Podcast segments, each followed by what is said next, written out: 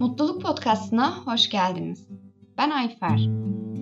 ızdırap, acı verici olaylar, başımıza gelen kötü şeyler.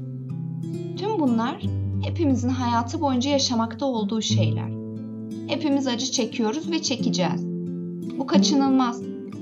Bu insan olmanın bir parçası. Yaşadığımız müddetçe kötü şeyler deneyimleyeceğiz. Tam şu anda belki kimilerimiz bir hastalık yüzünden hastanede. Kimilerimizin kalbi kırık. Veya birkaç senedir iş bulamadığımız için kimilerimiz ciddi bir depresyonla mücadele ediyor. Hepimiz böyle ızdırap ve acı çekme hikayelerini biliyoruzdur. Peki bizler acı çektiğimizde ne yapıyoruz? İşte bugün bu konu hakkında konuşacağız. Acı çektiğimizde ne yapıyoruz? Seçeneklerimiz neler? Aslında böyle durumlarla karşılaştığımızda önümüzde üç seçeneğin belirdiğini söyleyebiliriz. Acılarımızı bastırabiliriz, acılarımızı hissedebiliriz, acılarımızdan büyüyebiliriz. Aslında bunlar bir aşama şeklinde de görülebilir. İlk aşama ya da ilk seçenek acılarımızı bastırmak. Bu seçenek aslında en çekici olan. Birçok insanın, hatta muhtemelen insanların birçoğunun bu seçeneği tercih ettiğini düşünüyorum. Bu da dünyada neden bu kadar çok ızdırabın olduğunun aslında bir açıklaması. Acılarımızı bastırdığımız için onlardan kurtulamıyoruz. Bir örnekle açıklamaya çalışayım. Hiç izlediğiniz bir filmde hayatının aşkından ayrılan bir çifti gördünüz mü? Bu ayrılıktan sonra birkaç gün üst üste içerler. Sonrasında da kendilerine gelip hayatlarına devam ederler. Bu her ne kadar üzücü olsa da aslında sıkça gerçekleşen bir olay. Bizler acı çektiğimizde bir şekilde bunları bastırmaya çalışıyoruz. Bunu bastırmak için bazen alkol veya sigara kullanıyoruz. Bazen kendimizi yemeğe veriyoruz. Bazen uykuya veriyoruz. Bazen çok fazla çalışmaya başlıyoruz. Kendimizi sürekli meşgul ediyoruz. Bir keresinde bir grupla sohbet ederken bir kadın bana yaklaşıp bu söylediklerime ne kadar çok katıldığını belirtti. 5 sene önce kocası ölmüş ve sonrasında daha bir sene geçmeden hemen başka birisiyle evlenmiş. Ve bu evlilik iyi bir şekilde sonuçlanmamış ne yazık ki. Aslında bu hızlı evliliğin arkasında yatan şeyin çektiği acıyı bastırma ihtiyacı olduğunu söyledi. Buna benzer çevremizde de pek çok örneğe rastlayabiliriz. Duygularımızı hissetmemek için her gün gün geçtikçe bağımlılıklara yöneliyoruz. Bu bağımlılıklar az önce söylediğim gibi yemekten ilaçlara, sürekli kendinizi meşgul etmeye kadar çeşitlilik gösterebilir. Hepimiz bunlara benzer örnekler düşünebiliriz. Duygularımızı hissetmek yerine ilgimizi, dikkatimizi dağıtacak şeylere yöneliyoruz.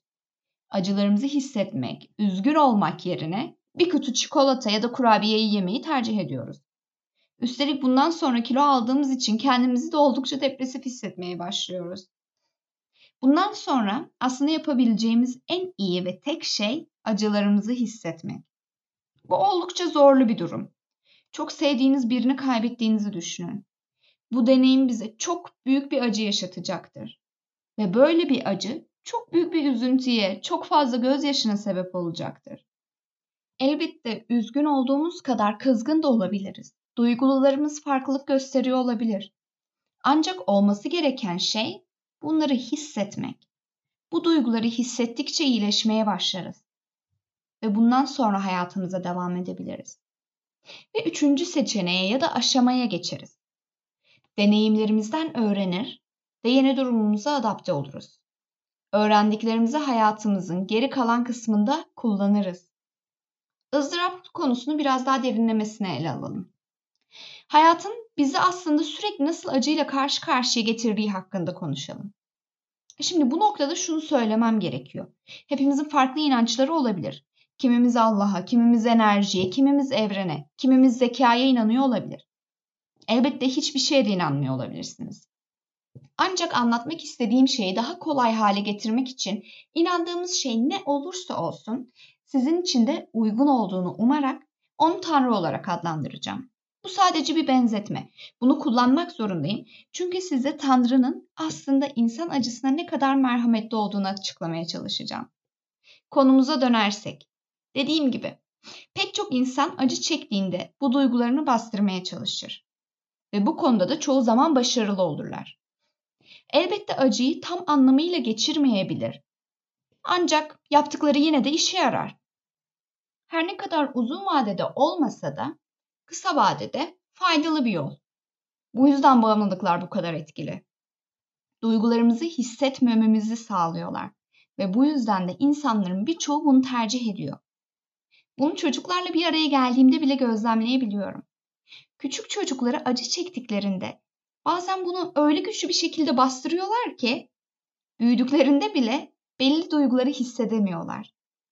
Tanrı, evren bunu nasıl adlandırırsanız içlerine doğal ve çok güçlü bir ağrı kesici koymuş gibi oluyor. Bu sayede bu acıyla doğrudan başa çıkmak yerine bir süre bu acıdan uzak kalabiliyorlar. Terapiye girdikten sonra ise bu derinlemesine inmiş olan acıları ortaya çıkmaya başlıyor. Elbette bu bizim için sağlıklı değil. Bunu hep söylüyorum. Ağrı kesiciler veya dikkat dağıtıcılar her ne kadar ideal olmasa da bir şekilde bu tarz ağrı kesicilere ulaşabiliyoruz. Bu da Tanrı'nın veya evrenin her neye inanıyorsanız aslında bizim acımıza ne kadar merhamet gösterdiğinin bir göstergesi. Bir şekilde olaylar çok zorlayıcı olduğunda, hayat çok ağırlaşmaya başladığında bununla mücadele edebiliyoruz. Ancak her ne olursa olsun eninde sonunda her zaman duygularımızı hissetmemiz gerekiyor. Bu seçeneği kullanmamız gerekiyor. Duygularımızı hissetmeye, belki de acı çekmeye başlarız. Ve bu ne kadar zor olursa olsun sonunda başladığımızdan daha iyi bir yerde kendimizi buluruz. Alkol bağımlısı olan kişiler buna bir örnek olabilir. İçtiklerinde acı içinde oluyorlar ve içtikçe bu acılarını unutuyorlar, hissetmiyorlar. Onlar için zorlu olan asıl nokta içmeyi bıraktıkları an oluyor. Tüm zamanların acısı ortaya çıkıyor ve bu onlar için çok zor. Bazen grup buluşmalarına giderek bu süreçe destek görmeye çalışıyorlar. Ancak bu süreçte yavaş yavaş hayatları iyileşmeye, daha iyi bir hale gelmeye başlıyor. Acılarımızın üzerine yürüdükçe onlardan uzaklaşmaya başlayacağız ve bir bütün olacağız. Unutmayın ki acı verici olaylar deneyimlemek bizlerin büyümesini sağlayacaktır. Birçoğumuzun farkında olduğu gibi acı çekmeyle içsel büyümenin, olgunlaşmanın arasında çok güçlü bir ilişki var. Etrafınızda bu örnekleri bulmaya çalışın. Onların hayat hikayelerini dinleyin. Yaşadıklarını anlamaya ve bu olgunlaşmalarına nasıl bir katkı sağladığını gözlemleyin. Onların oldukları noktaya gelebilmek için neler çektiklerini gözlemleyin. Bu hayatın çalışma şekli. Bizler acılarımızın içinden büyüyoruz. Ve evet, bu oldukça zor. Elbette bunları deneyimlemek, tekrar tekrar aynı yollardan geçmek istemeyecektir bu kişiler.